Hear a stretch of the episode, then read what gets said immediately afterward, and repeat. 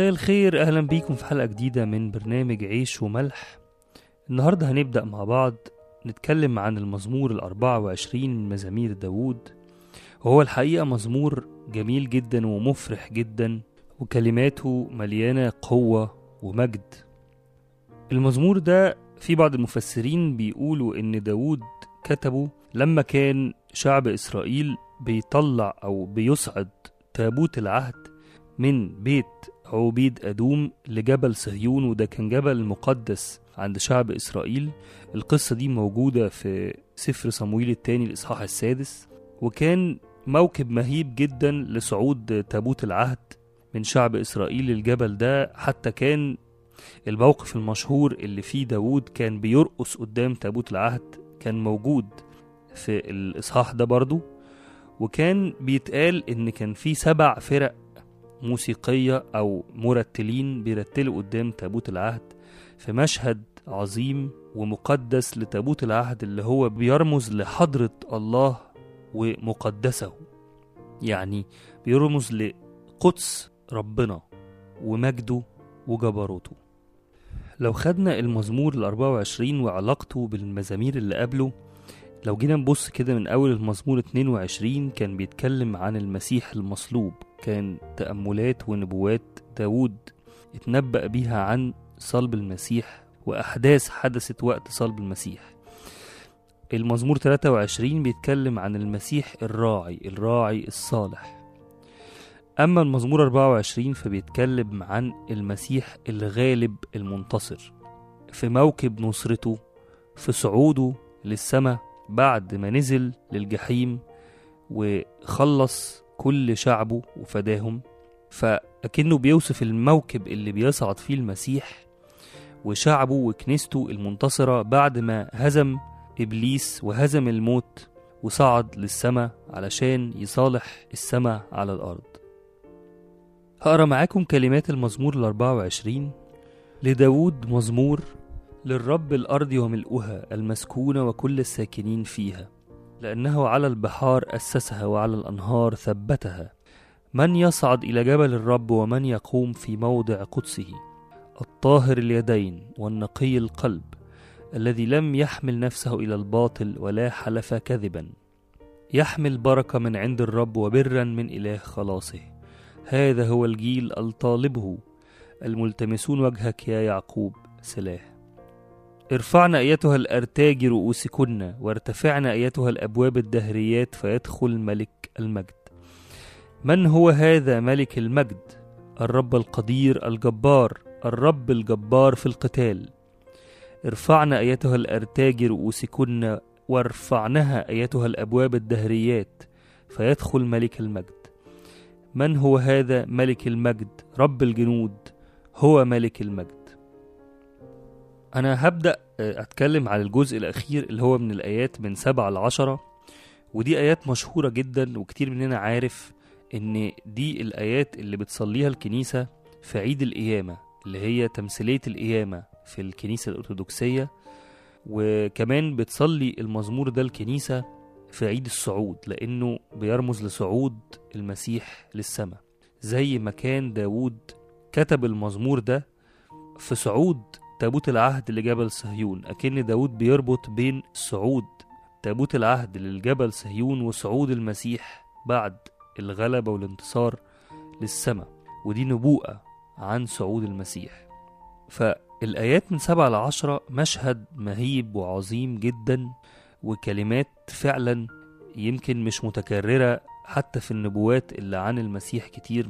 ما ترسمش مشهد بالطريقة دي عن صعود المسيح للسماء أو عن موكب نصرة المسيح لأنه المشهد ده وكأن في مجموعة من الملائكة بتنده مجموعة تاني مجموعة اللي موجودة في موكب دخول المسيح للسماء بتقول للمجموعة الملائكة اللي هم مثلا بيحرسوا الأبواب اللي كانت مقفولة اللي هي الأبواب الدهرية اللي هي رمز للأبواب اللي كانت مقفولة قدام البشر بسبب خطية آدم فكأن مجموعة الملائكة اللي هي بتتقدم الموكب ده بتقول لحراس الأبواب افتحوا الأبواب علشان هيدخل ملك المجد.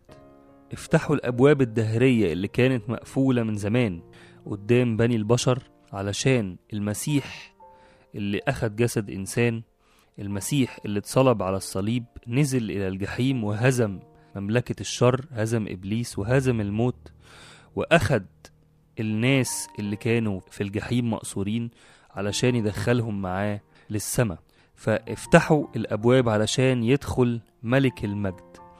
مين هو ملك المجد؟ تعبير حلو قوي. الرب القدير الجبار الرب الجبار في القتال. هنا داود وصف المسيح المنتصر على إن هو جبار في القتال على إنه محارب. والمحارب ده انتصر. وهو اللي اخد المجد وهو اللي ملك على كل شيء بعد ما مات على الصليب وهزم الموت. علشان كده هو اللي قدر إن هو يحرر كل الناس المقصورة قدر إن هو يحرر البشرية من سلطان إبليس عليها قدر إن هو بقوته وجبروته إن هو يفتح الأبواب الدهرية أو تتفتح قدامه الأبواب الدهرية لأن هو الوحيد اللي كان ممكن بيه تتفتح الأبواب دي. فالكلمات قوية جدا وأنا الحقيقة كنت كل ما أقرأ كلمات المزمور ده أحس كده برهبة وأحس ب- بقوة وعظمة. بحس فعلا باللي عاوز يوصفه داود ورسمه في المشهد ده اللي هو موكب نصرة وإن المسيح فعلا بيفتح الأبواب الدهرية دي علشان ياخد معاه الكنيسة كلها المسكونة كلها كل البشر كل المفديين كل الناس اللي هتصدق في المسيح وتآمن بيه. هي دي الكنيسة المنتصرة اللي هيبقى ليها الحق إن هي تدخل أو تصعد مع المسيح للسماء وتكون معاه في موكب النصرة ده. لكن لو رجعنا للآيات من ثلاثة لستة هنا داود بيسأل سؤال بيقول من يصعد إلى جبل الرب؟ آه بعد ما شفنا بقى ال- الموكب ده أو هو كمان داود اتكلم عليها قبل الجزء ده لكن هو بيسأل بيقول مين اللي يقدر يصعد مع المسيح أو يصعد إلى جبل الرب جبل صهيون جبل قدسه. ومن يقوم في موضع قدسه؟ الطاهر اليدين والنقي القلب الذي لم يحمل نفسه إلى الباطل ولا حلف كذبا. تمام. طب دي حاجات صعبة قوي مين يقدر يكون كده؟ مين يقدر يقول على نفسه إن هو طاهر يدين نقي قلب عمره ما بيكذب عمره ما بيحمل نفسه إلى الباطل؟ هو هنا داود عايز يقول لنا إنه اللي هيصعد إلى جبل الرب ده الإنسان اللي هيقرر إن هو عاوز يبقى كده يفضل يجاهد طول حياته ومصدق في إن ربنا هيحارب عنه وهيحارب معاه في الحرب دي في الحياة دي علشان يقدر إن هو يكون نقي طاهر اليدين يقدر إن هو يكون إنسان مؤمن مجاهد حقيقي ويوصل ويصعد مع المسيح لجبل قدسي. لكن كمان هو عايز يقول لنا في الآيات دي إنه الإنسان اللي هيصعد مع ربنا للسماء للحياة الأبدية هو الإنسان اللي قدس نفسه لربنا. قدس نفسه يعني خصص نفسه لربنا. واللي هيخصص نفسه لربنا هياخد بركة. زي ما قال في الآية خمسة يحمل بركة من عند الرب وبرا من إله خلاصه. الإنسان اللي هيقدس نفسه لربنا ربنا هيديله في المقابل نعمة وبركة وخلاص علشان يقدر إن هو يواجه الحرب اللي هتكون قصاده في الحياة. وكمان الله هيكون بيحارب عنه لأنه قال داود الرب الجبار في القتال. فالرب المسيح زي ما حارب إبليس ومملكة الموت وهزمهم هيقدر إن هو يهزم مع الإنسان المؤمن مع الإنسان المجاهد يهزم كل ضعف وكل مشاكله وكل حاجة في حياته لغاية لما يوصله إلى جبل صهيون يوصله معاه للسماء في موضع قدسي. في آية موجودة في رسالة بولس الرسول التانية لأهل كورنثوس الإصحاح التاني الآية رقم 14 بتقول ولكن شكرا لله الذي يقودنا في موكب نصرته في المسيح كل حين ويظهر بنا رائحة معرفته في كل مكان. شكرا لله الذي يقودنا في موكب نصرته في المسيح.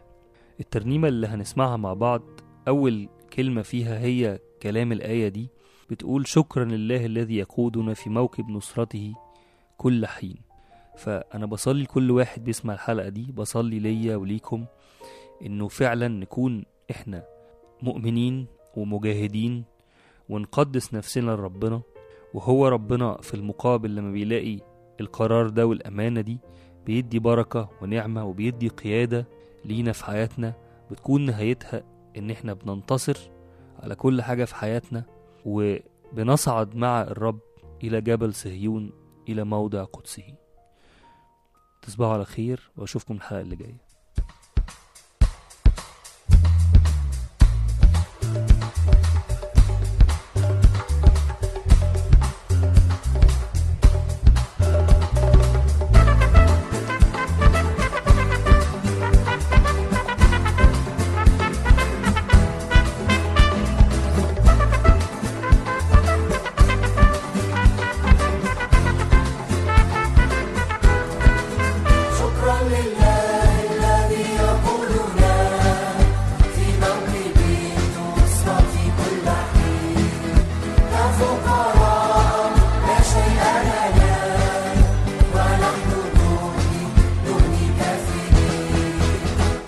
us.